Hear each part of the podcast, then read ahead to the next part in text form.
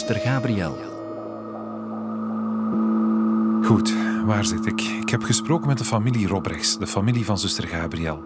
Die gelooft niet dat ze zomaar zou vertrekken zonder iets te laten weten. En de familie vindt al van bij het begin dat de directeur van het klooster zich vreemd gedraagt. En dan zei de directeur... Het was zover gekomen dat ze in mijn geheime papieren zat te snuffelen. En dat wil ik niet zo. Ook de eerste politiemensen die de zaak onderzoeken, denken in die richting. Het is geen enkel twijfel. Volgens mij was Mordi of zijn handlangers. Alleen krijgen ze nooit een opdracht om dat spoor verder uit te zoeken.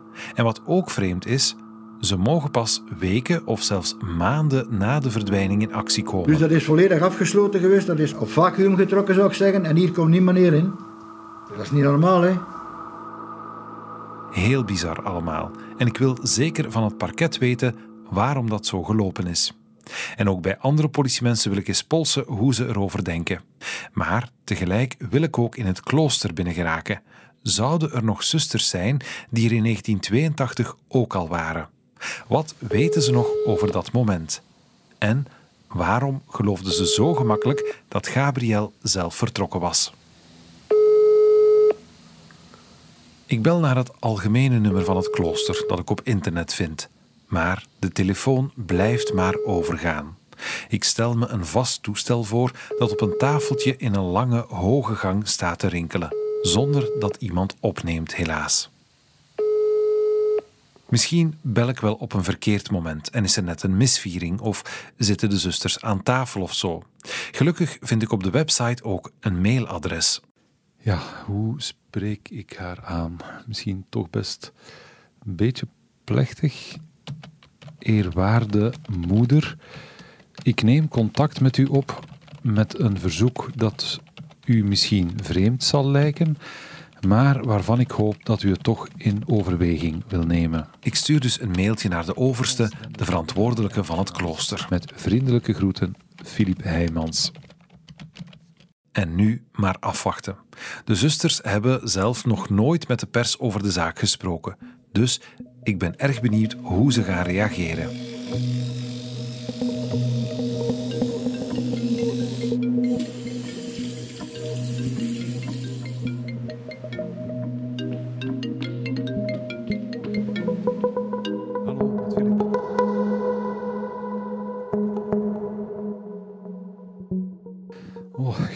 Ik was net mijn tanden aan het poetsen en plots kreeg ik telefoon van een nummer dat ik niet kende. En het blijkt dus de nieuwe overste, moeder overste, of hoe heet dat tegenwoordig? Eh, de nieuwe moeder overste te zijn van het klooster van Dendermonde. Die zegt, kijk, we hebben uw mailtje gekregen. En eh, ja, kom maar langs, u bent welkom. Het is dus gelukt. Ik mag naar het klooster in Dendermonde.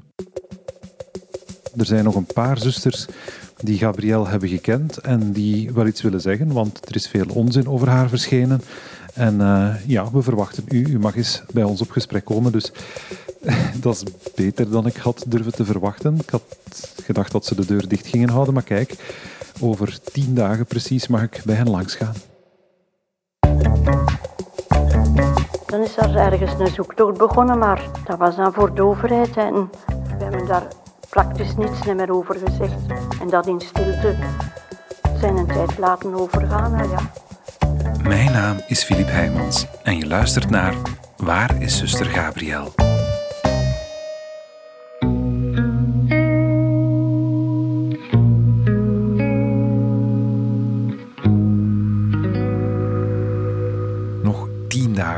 Dat geeft me nog even tijd om alles wat ik tot nu toe gedaan heb te bespreken met mijn eindredacteur Els. En die heeft wel wat bedenkingen bij wat de gepensioneerde politiemensen me verteld hebben. Ja, ik vind dat zij wel heel gedecideerd zijn. Hè. Dat ze eigenlijk zeggen van, dat ze van bij het begin wisten van daar klopt daar iets niet. Dat viel mij wel op. Ze zijn niet voorzichtig of zo. Hè. Maar ze hebben dan vervolgens wel niet zo heel veel gedaan om uit te zoeken wat er aan de hand was. En ik weet wel dat een uitleg is. Ja, maar ja, ze moesten aangestuurd worden van bovenaf en het gerecht wou niet dat, bla bla bla bla. Maar daar heb ik weer zo'n beetje hetzelfde gevoel bij van, ja, als je nu een echte politieman in hart en nieren bent, vind ik dat raar dat je dan toch niet zelf wat meer daarachter aangaat. Tja, maar dat mag nu eenmaal niet bij ons. Hè. Ja, maar ja, dat mag officieel niet. Maar dan nog even, Filip.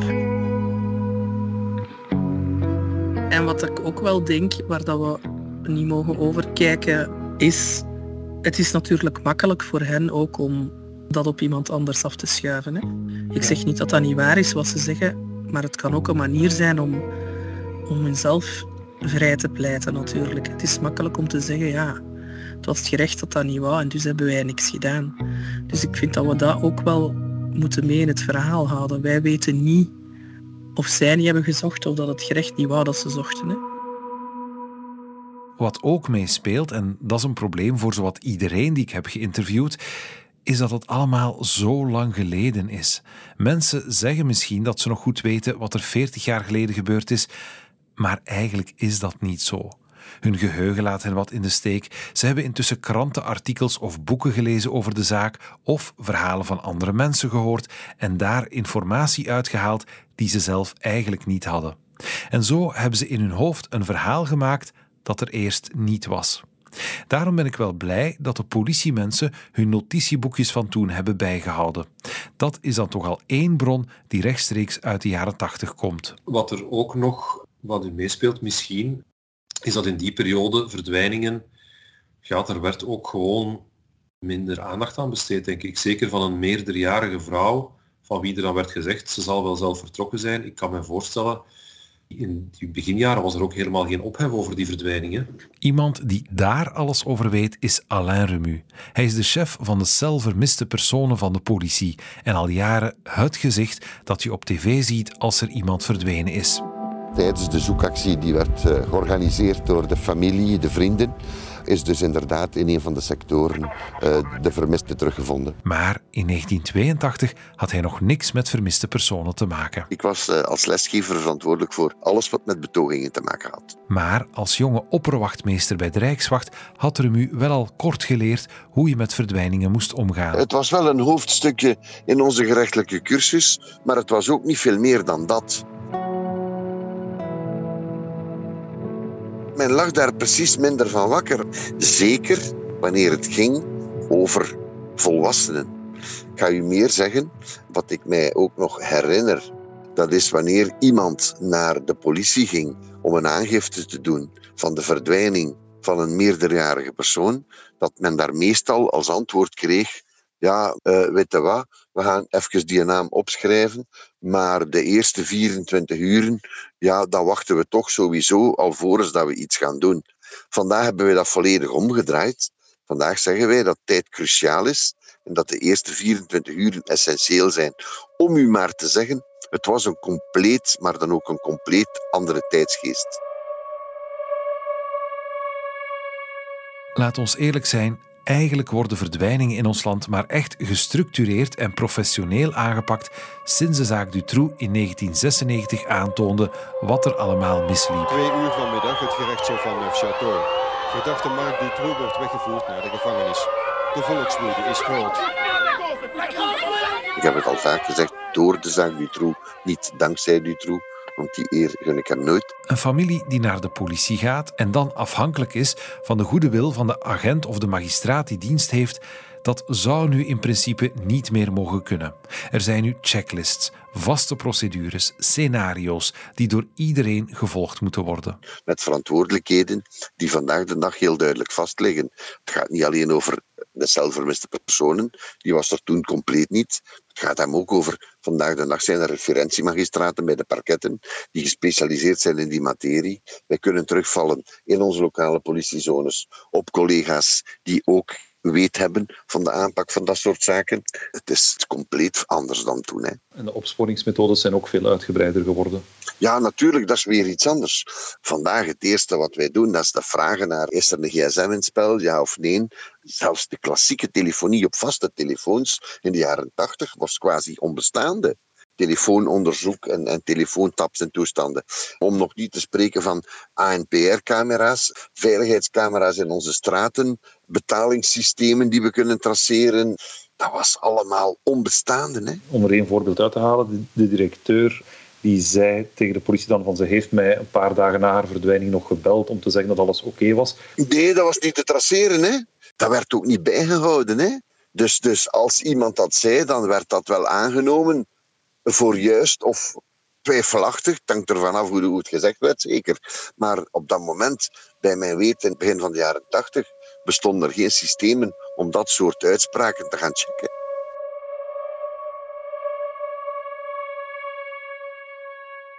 Maar dat geloof ik ook wel best. Dat kan perfect zo zijn. Maar dat is niet helemaal in overeenstemming met wat ze zelf vertellen. Hè.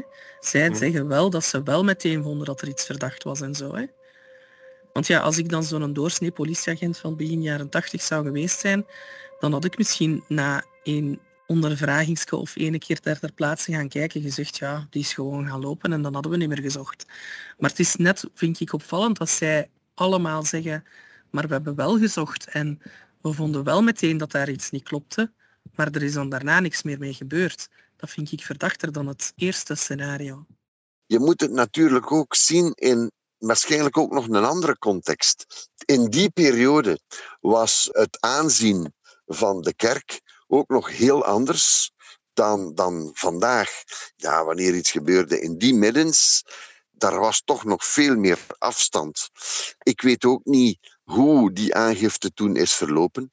Uh, ook dat zal zeker een rol gespeeld hebben. Hè. En natuurlijk, het ging over een meerderjarige persoon. Het kan goed zijn dat men daar gezegd heeft, ja, die zal het klooster beu geweest zijn zeker. Die is weg, die zal wel weer komen. Het zou perfect kunnen dat men toen zo gereageerd heeft. Dat weet ik niet. En daarmee komen we dus weer bij die rol van het klooster. Ze hebben wel de familie van Gabriel snel op de hoogte gebracht, maar hen ook meteen gezegd dat ze niet naar de politie moesten stappen, want dat was al gebeurd. En pas toen de familie zelf aangifte ging doen, niet één keer, maar twee keer, kwam er een onderzoek, omdat de familie ervan overtuigd was dat Gabriel nooit zomaar zou weglopen. Vandaag werken wij dus met een aantal criteria bij het bepalen van het onrustwekkend karakter van een verdwijning. Die hebben te maken met leeftijd, die hebben te maken met een ziektebeeld bijvoorbeeld. Maar het laatste criterium, dat is eigenlijk waar we het hier zouden kunnen over hebben. Door te verdwijnen doet iemand iets wat in complete tegenstelling staat met het normaal te verwachten gedrag. En vandaag de dag is dat een heel belangrijke factor bij de aangifte. Wat wisten de zusters over Gabriel? Wat hebben ze tegen de politie gezegd?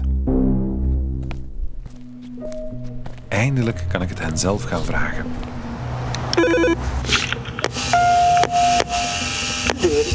De deur van het klooster gaat voor mij open. Het is trouwens niet meer hetzelfde klooster als in 1982, waar Gabriel verdwenen is.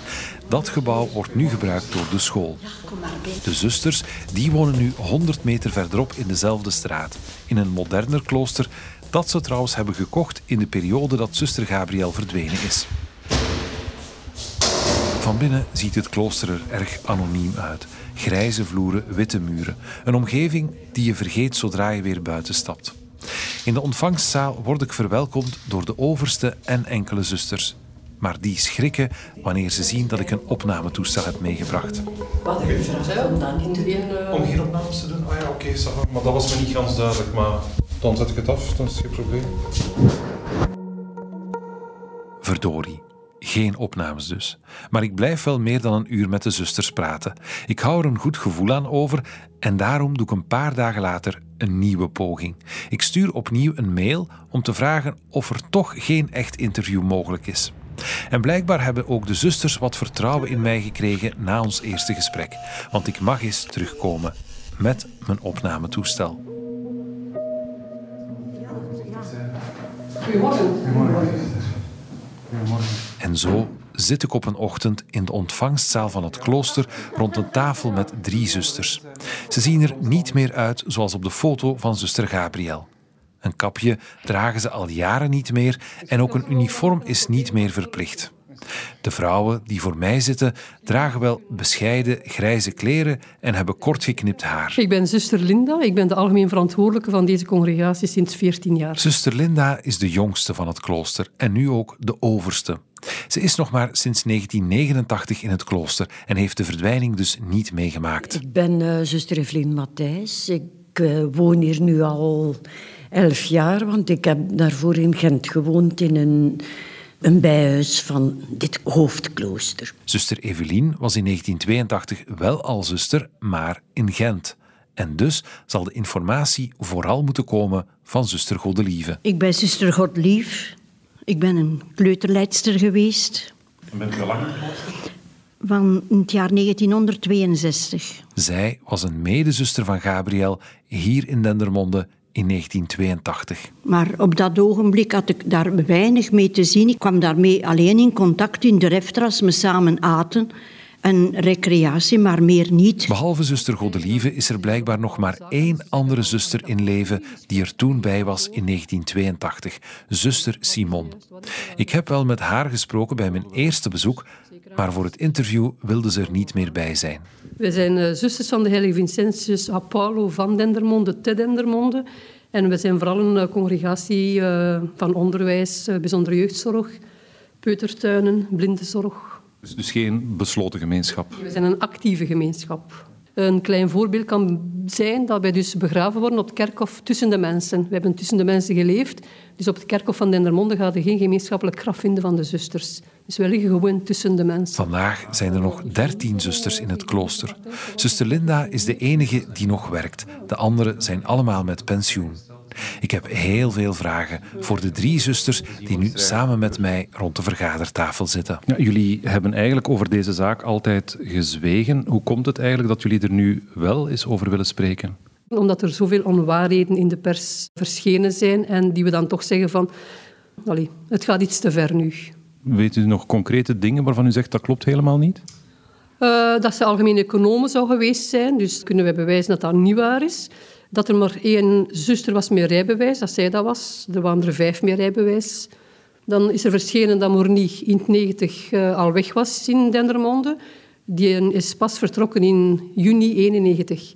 Dus zo kleine zaken al. Maar, uh, maar het stoort u wel dat het fout is? Het stoort mij enorm dat het fout is, ja. ja.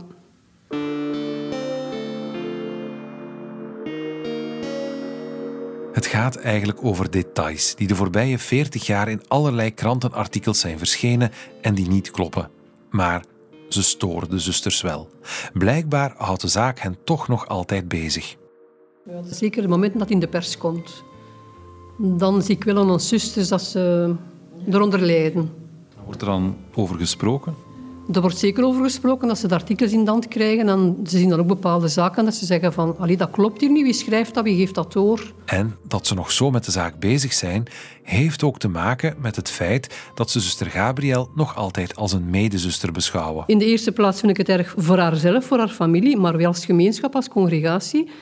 Ik denk, zij blijft, of zij is of zij was, toch nog altijd een medezuster voor ons. Dat wij ook niet weten van, wat is er gebeurd of ja, blijft voor ons ook altijd een donkere bladzijde in ons leven als congregatie.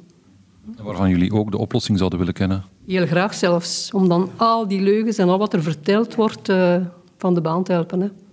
Wij zouden liever willen als dat er morgen iemand aan de deur staat en zegt van kijk, hier is het antwoord. Maar ja, zover zijn we niet. Hè.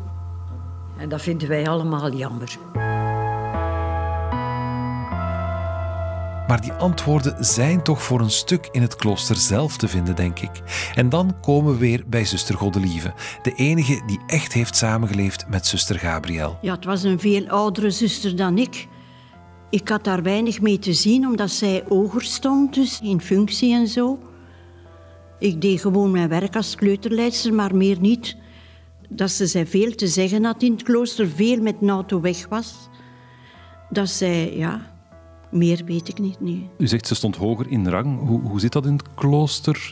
Is, is er daar zoiets van een, een hiërarchie of, of zoiets? Ja, zij was raadzuster.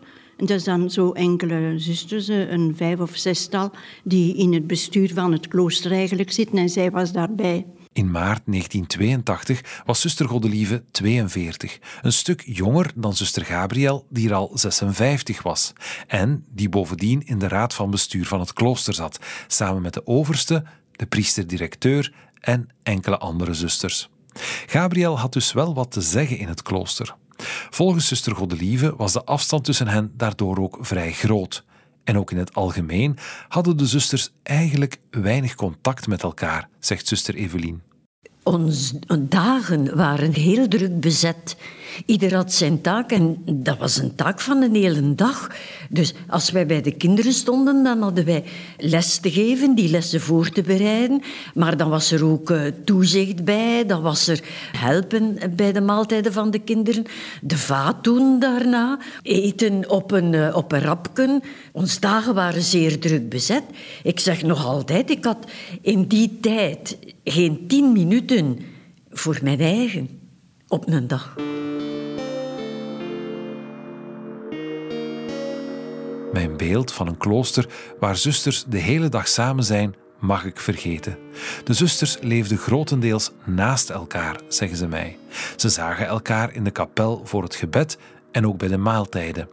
Maar daarbuiten wisten ze weinig van elkaar. Zeker niet van zuster Gabriel, die vaak weg was omdat ze met de auto kon rijden. Ik willen dat zij met een auto kon rijden, maar eigenlijk ben ik een persoon dat me daarvan van een ander niets aantrekt. Als je je eigen werk hebt en je eigen leven, ben ik niet bezig geweest. Wat doet die zuster of wat doet die zuster, rechtuit gezegd. En dus als er in die tijd misschien spanningen waren tussen haar en eh, de directeur, hebt u dat dan gemerkt? Nee, absoluut niet. Juist die laatste avond heb ik heel erg verschoten dat er een directeur en een zuster zo uh, tegen elkaar een wat uitvlogen.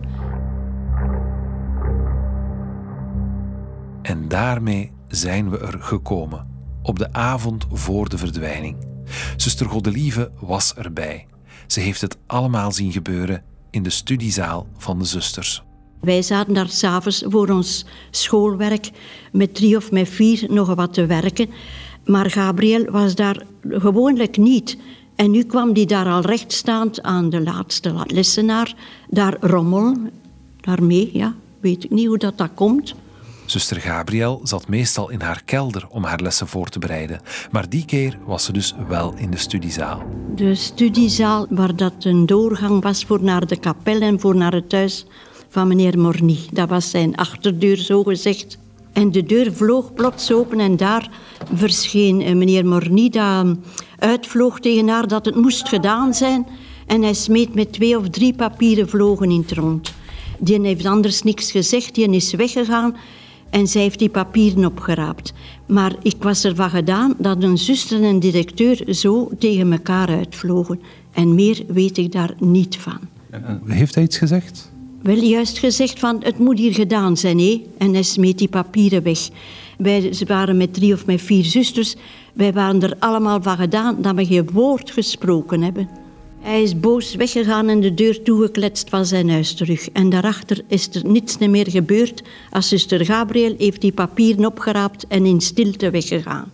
Ze heeft niks meer gezegd? Absoluut niet. En zuster Gabriel, weet u naar waar die gegaan is? Ja, gewoon weggegaan langs de, dan, dan de andere gang, ja.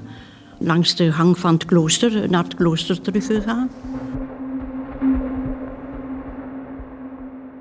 Heel lang heeft het dus zeker niet geduurd, zegt zuster Godelieve. De directeur komt binnen, gooit een paar papieren naar zuster Gabriel, roept dat het gedaan moet zijn en gaat weer door de deur naar zijn huis. Zij raapt de papieren op en gaat door de andere deur naar buiten. Misschien naar haar kamer, misschien naar haar kelder, misschien naar ergens anders.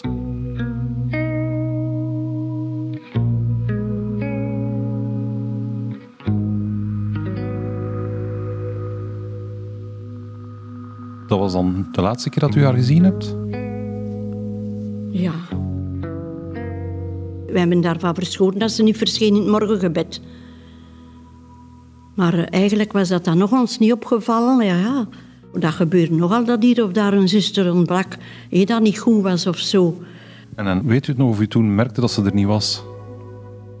Ja, dat was echt opgevallen dat zij daar niet was, ja omdat we weten, gisteravond zo van gekregen, die zal daar nog niet goed van zijn, dachten wij. Zo, dat, zo denkt een mens dan niet.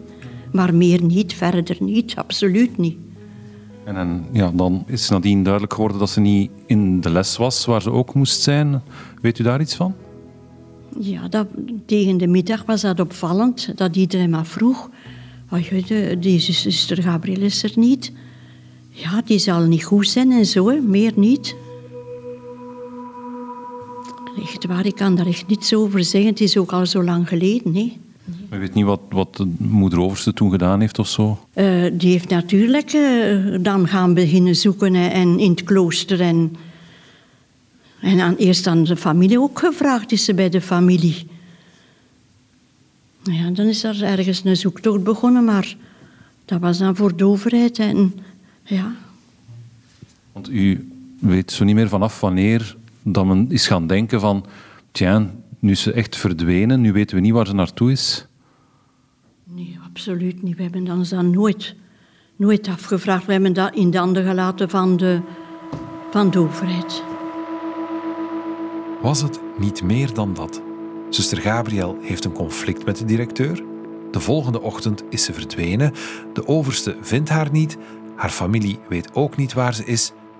En de andere zusters, die halen gewoon hun schouders op en denken: de overheid, het gerecht dus, zal het wel oplossen. Zandendags hebben wij daar niets over gezegd. Niets. Dat was zo de gewoonte, dat wij er veel zwegen dus. Ja, dat vind ik dan een beetje raar, dat er zoiets gebeurt, zoiets compleet ongewoon en niemand zegt daar iets over.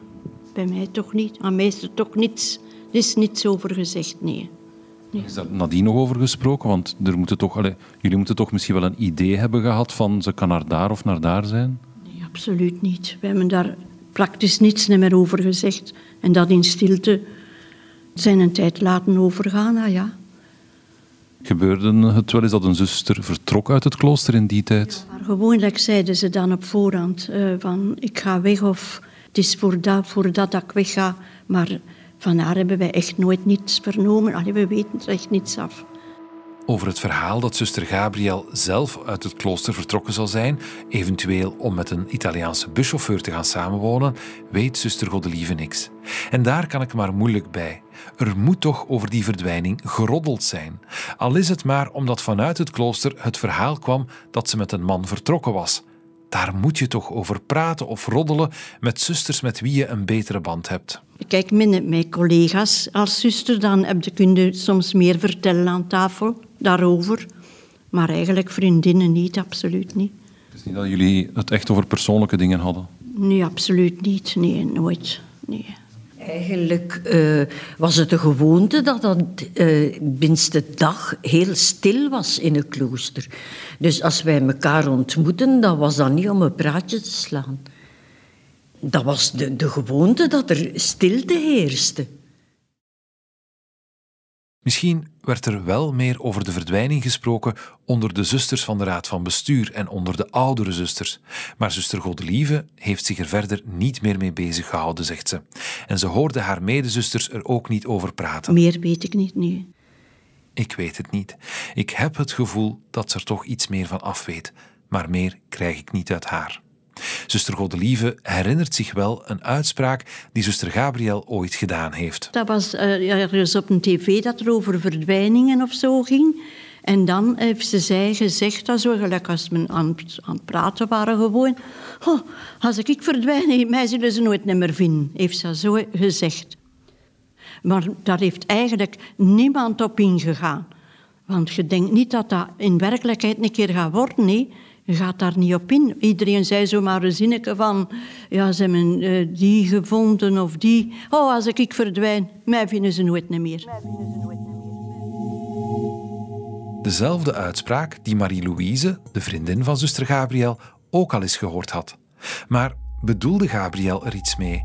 Of is het zomaar iets dat een mens er wel eens uitflapt en waar achteraf meer belang aan wordt gehecht dan nodig?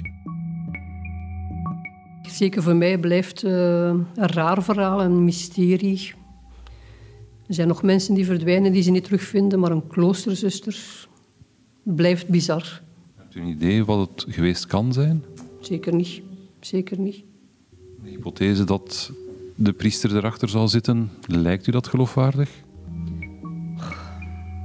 Als je dan hebt over het verdwijnen en eventueel, dat ze zeggen, de moord, hij als uh, uitvoerder zeker niet.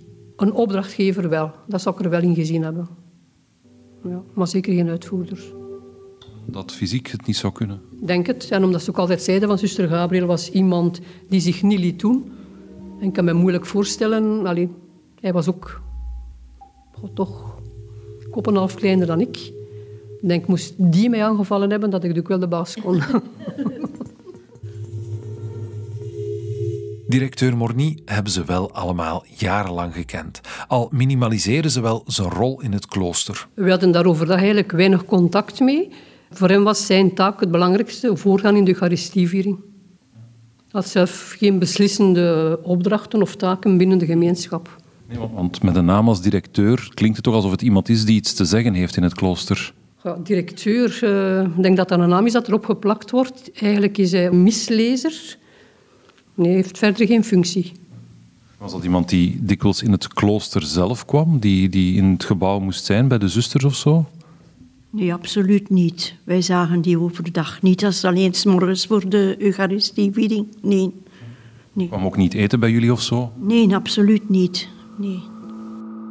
Maar toch hebben ze wel een vrij duidelijk beeld van hem. En dat is niet geweldig positief. Voor mij was dat van in het begin iemand die kenmerken vertoonde van uh, ja, het hoog hebben, hoogheidswaanzin.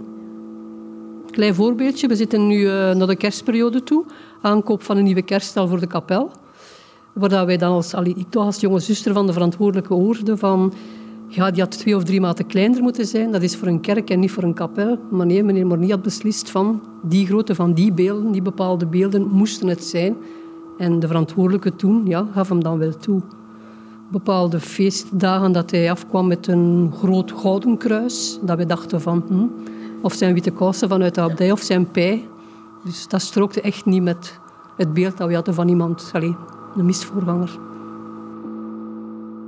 Als ik dat zo hoor, had Morny toch blijkbaar wel een invloed op de beslissingen die er in het klooster genomen werden. Ik had ook de indruk dat er bepaalde beslissingen van hem uit gepusht werden, die dan de overste wel uh, ja, volgden. Hè. En over wat voor beslissingen ging het dan zo? Uh, over aankopen vooral, denk ik. Er is achteraf ook gezegd dat er misschien financieel, dat hij daar toch ook wel wat dingen verkeerd zou kunnen hebben gedaan. Uh, weet ik ook van horen zeggen. En op dat moment is het dan die dingen gevallen van... Hij wist het omdat Gabriel algemeen econoom was.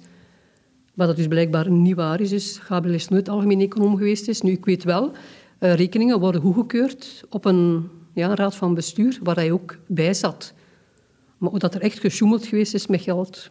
Maar vanuit de raad had Gabriel dus ook wel zicht op de rekeningen? Ah ja, dat zal wel. Hè. Ze zal ook uh, de controle gezien hebben, de eindcontrole van de rekeningen. Dus het in theorie zou zij het kunnen zien als er rare dingen in de rekeningen zaten. Zien weet ik niet, maar ze zou dat moeten horen, allez, horen zeggen hebben van op, van op de raad van hier zijn bepaalde bewegingen gebeurd. Dat was dan de taak van de algemene economen van dat op tafel te leggen. Nu, ik heb zelf eh, twaalf jaar algemeen econoom geweest. Ik heb dus de rekeningen moeten overnemen van de vorige en ik heb ook niets abnormaals gevonden.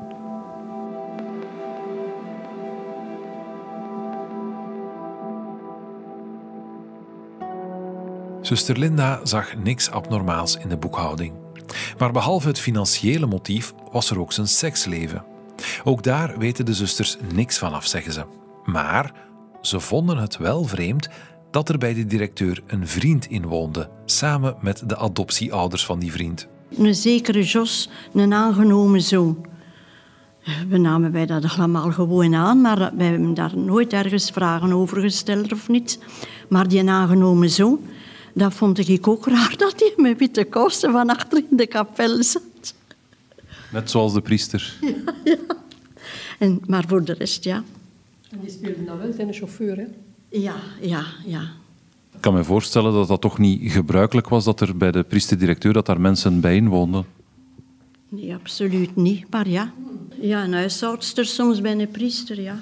ja. Dus ja, dat vonden ze vreemd. Een vriend en zijn ouders die inwoonden. En Zuster Linda heeft nog meer vreemde ervaringen met de directeur. Dat was zes maanden na mijn intrede bij mijn inkleding. En ik kom hem tegen en hij zegt tegen mij van, ah ja, zegt hij. En dat kwam erop neer dat hij dus graag had dat ik zijn naam zou aangenomen hebben. Dus hij was in het klooster bekend met de naam Herman Jozef. En hij dacht eraan van dus, uh, mij als kloosternaam te geven, zuster Herman Jozef. Wat ik dus absoluut geweigerd heb. U wilde liever uw eigen naam houden? Zeker en vast, ja. Het is de naam die je gekregen hebt bij je doopsel en voor mij was dat belangrijk. Linda wordt dus zuster Linda, niet zuster Herman Jozef. Directeur Morny zei dat hij haar als een beschermelinge beschouwde en dat hij daarom wilde dat ze zijn priesternamen zou overnemen. Kende hij u al? Nee, absoluut niet. Absoluut niet. Ik was Op de eerste plaats voor hem een zeker onbekende, maar uh, met zijn hoogheidswaanzin was ik voor hem zijn eerste postulante. U was de eerste die intrad sinds hij er directeur was? Ja. ja. Vandaar dus zijn bedoeling van, zij gaat mijn naam uh, verder dragen. Zuster Linda vindt het vooral raar. En achteraf blijkt dat dat niet het eerste vreemde ding is dat directeur Morny met haar heeft uitgehaald. De periode voor uh, mijn intrede was dus op bepaalde weken op een dinsdag. Uh, kwam er altijd een brief toe, naamloos. Maar bij die brief zat altijd één bladzijde uit een bepaald boekje. Dat was een boekje van Don Bosco. Dus ik ben daarmee naar de verantwoordelijke toen gestapt. En die heeft die brieven bijgehouden. En uiteindelijk zijn die wel in het gerecht toegekomen. Want op een bepaald moment ben ik dan ook uh, ondervraagd geweest in Aalst. En dan uh, zijn ze met die brieven tevoorschijn gekomen. En zeiden ze op dat moment, dit is het enige dat meneer Morny toegegeven heeft dat het van hem komt. Ja. Wat was de bedoeling dan van die brieven? Uh, de bedoeling was dat hij mij liever naar een ander klooster had zien gaan en niet naar Vincentius. Gaston Morny bekent tegenover de politie dat hij anonieme brieven heeft gestuurd naar zuster Linda om haar af te raden om in het klooster van Dendermonde in te treden. En zodra ze er is, wil hij per se dat ze zijn kloosternaam overneemt. waarom? Vraagteken.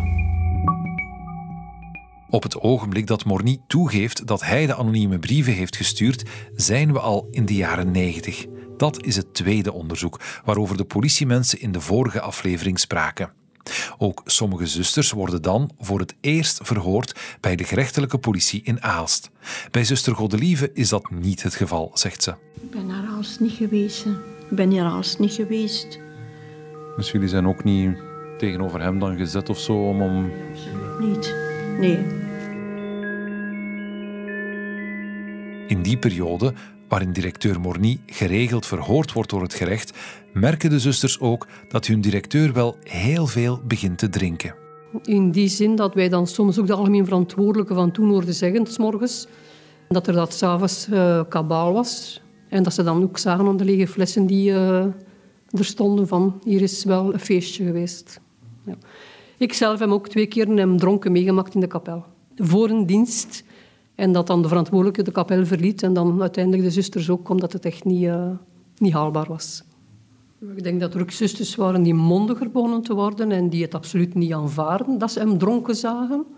Is er dan niemand gaan klagen bij het bisdom bijvoorbeeld over zijn gedrag? Dat kunnen de verantwoordelijke geweest zijn. Hè. Uh, ja. Dat was een beetje boven uw hoofd als dat gebeurd zal zijn. Ik was de jongste, dus ik had zeker niets te zien. Uh. Uiteindelijk ontstaat er een conflict tussen de zusters en Morny over zijn gedrag. En in juni 1991 verlaat Morny het klooster als directeur. Op een morgen uh, na de Eucharistieviering aan het altaar heeft hem gezegd: Je bent bijna van mij vanaf, ik vertrek hier. En ik denk dat er niemand van ons echt kwaad was dat dat ging gebeuren.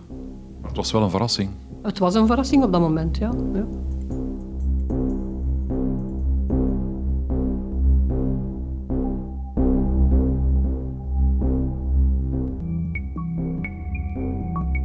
De rust keert er weer. Zuster Gabriel is dan al negen jaar spoorloos. Een uh, klein detail nog, dus aan het eind van het jaar krijg ik nog altijd een uitrechtje van uh, de post, rekeningnummer van zuster Gabriel. Ik heb daarvoor al stappen ondernomen om die rekening af te sluiten. Geen probleem, maar mevrouw zelf in kwestie moet zelf persoonlijk komen tekenen. Dus wij blijven nog altijd ook met die postrekening zetten. Staat er nog geld op? Dat kan ik niet zien. Het is gewoon een uitrechtje van uh, ja, kosten die eraf gaan. Dus. Misschien als al het geld op is en de... Nee, ik denk dat de rekening momenteel onder nul staat. ja, veel wat er niet op gestaan hebben. Over het leven van Gaston Morny voor, tijdens en na zijn periode in Dendermonde moet ik zeker nog veel meer te weten komen. Maar ik heb ook het gevoel dat de zusters me nog niet alles verteld hebben. En dus probeer ik nog wat meer informatie over het klooster te pakken te krijgen in de volgende aflevering. En ik dacht iedere dag, was zij er nu weer onbekokstoven om de zusters te treiteren? Een moordenaar noem ik dat. Allemaal onze moraal kapot maken.